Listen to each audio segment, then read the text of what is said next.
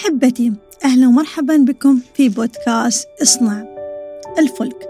لأن الكون يمشي بنظام كوني محدد ومرتب هناك الكثير من القوانين الكونية تساهم في ذلك.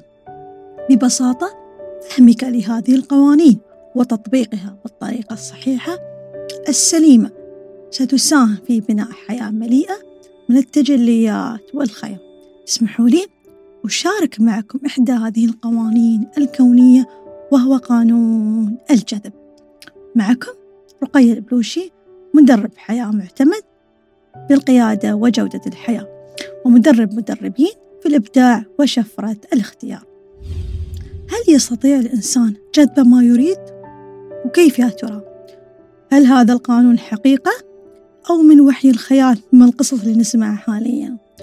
وكيف يا ترى يمكن تفعيل هذا القانون بالطريقة السليمة للحصول على المنفعة الكاملة واللي تضيف لنا الكثير بإذن الله تعالى. الصدمة يا أصدقائي إنه موضوع جدا سهل ومتاح ويحدث تلقائيا دون جهد كبير منا. وبالحقيقة هو قانون ثانوي أصلا مش رئيسي. لكن طبعا الترويج له بالطريقة الخاطئة. هو ما جعل هذا الشيء محط الاستهزاء والسخرية عند الأغلبية.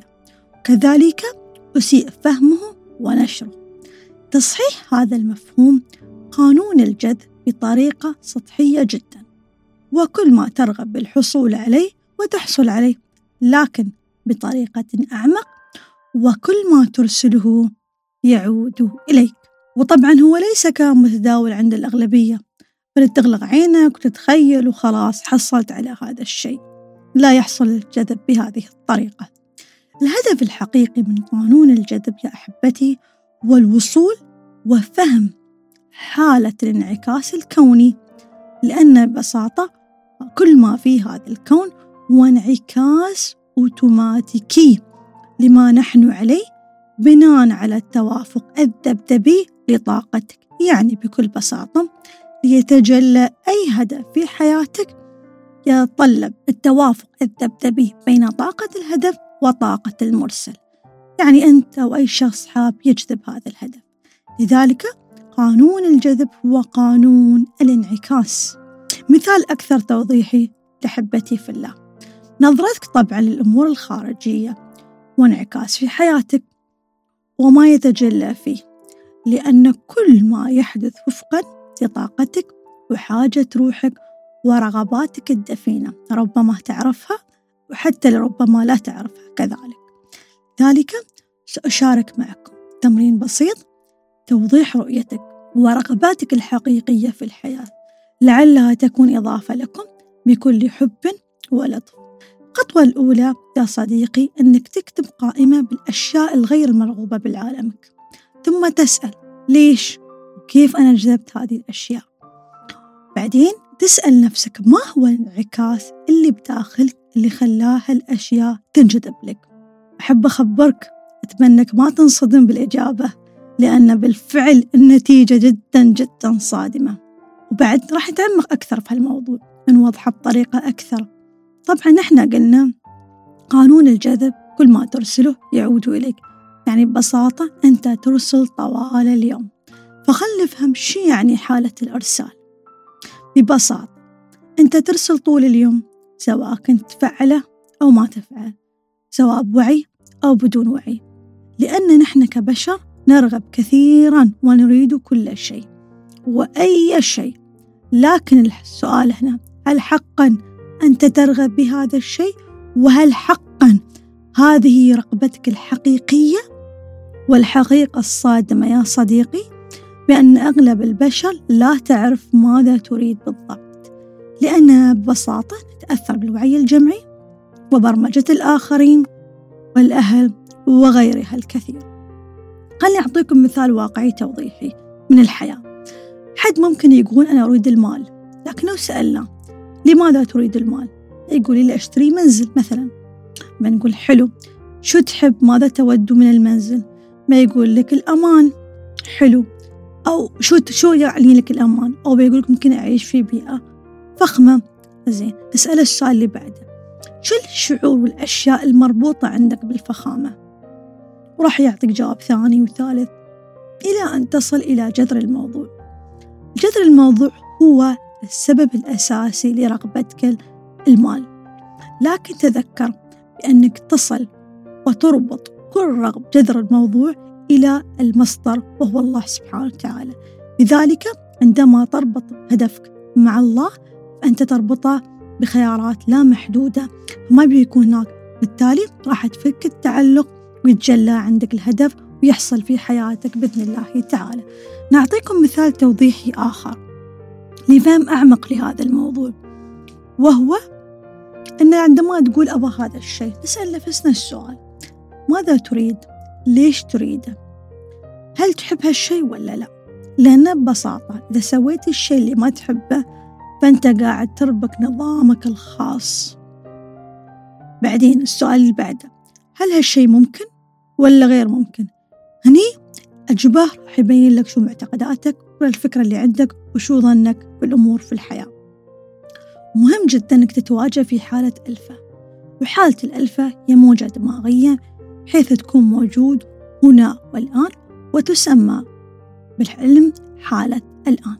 طبعا بهالطريقة يكون عندك الإرسال جيد جدا وتكون بالفعل أنت مستعد للإرسال. لكن افهم ما هو جذر رغبتك وشو المشاعر المربوطة في هذا الجذر.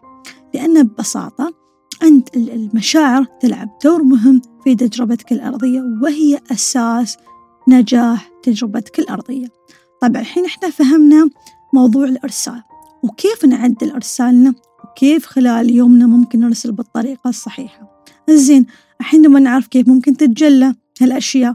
مثل ما أرسلت راح أستقبل فكيف ممكن أتجلى وكيف ممكن يحصل التجلي في حياتي بطريقة سهلة وبكل مرونة ويسر. هنا أحبتي نذكر أن حالة الإرسال أسهل بكثير من حالة التجلي. هالشيء طبيعي. السبب يرجع أحبتي بأنك دائما تتأثر بطاقة محيطك والطاقة تنتقل عند الملامسة. يعني بكل بساطة عند الاحتكاك أو الحديث والتجاور. الملامسة بأن الطاقة تنتقل بين شخص إلى آخر. لكن عشان تكون في حالة تجلي أكبر يتطلب منك أنك تزيد مستواك وتكون أنت في حالة استقبال وإرسال بنفس الذبذبات بإذن الله. تعالى. لذلك راح أعطيكم بعض الأسرار الحلوة اللي تنير لكم الطريق إن شاء الله في موضوع التجلي. الأول يا أحبتي هو التنظيف وهو أساس الجذب. يعني تتخلص من كل فوضى المشاعر والأفكار وغيرها الكثير. لأنه ببساطة لا يمكن أن تجذب شيئا دون أن تنظف أو ترتب الفوضى الداخلية. النقطة الثانية أحبتي هي حالة الحب. يعني عندما نقول حالة الحب إحنا ما نقصد العشق والغرام أن يكون عندي حد وأنا أكون في موجة رومانسية طول اليوم. ولا أقصد على حسب سلم هاوكنز حالة السلام والحب اللا مشروط العالي. الموضوع هني أبسط بكثير. بأنك تحب ما تفعل وتفعل ما تحب. يعني نبسط الأمور. أكل الطبق اللي أنا أحبه. أشرب الشراب المنعش اللي أستمتع فيه. أمارس هوايتي. أسوي الرياضة اللي أحبها. ببساطة أبحث عن الأشياء البسيطة اللي أحبها وتبهج قلبي وروحي. مش بالضروري يكون شيء كبير أو معقد. النقطة الثالثة أحبتي أكتب قائمة مية شيء تحبه. ممارسة وطبقة. تمعن فيه. فممارسة ما تحب يصنع لك فرق كبير في حياتك. والرابعة يا أحبتي تتقن لعبة الحياة. لأن الشطارة مش في فهم الحياة أبدا بل بإتقان لعبة الحياة. يعني ما تشغل نفسك بالأعمال البسيطة أو قصة دراما الآخرين أو حتى تصنع لنفسك درامتك لا. خليك افهم الشطارة وإتقن اللعبة. بالتالي راح تنصدم. الجذب اللي يلحق مو بأنت اللي تلحقه واللي يباك مش أنت اللي تباه. والخامسة يا أحبتي أعمل بحب ومتعة وتوازن. زين بنختم بنعطيكم ختام سر حلو وخطير. إن كل شيء في الكون في رسائل.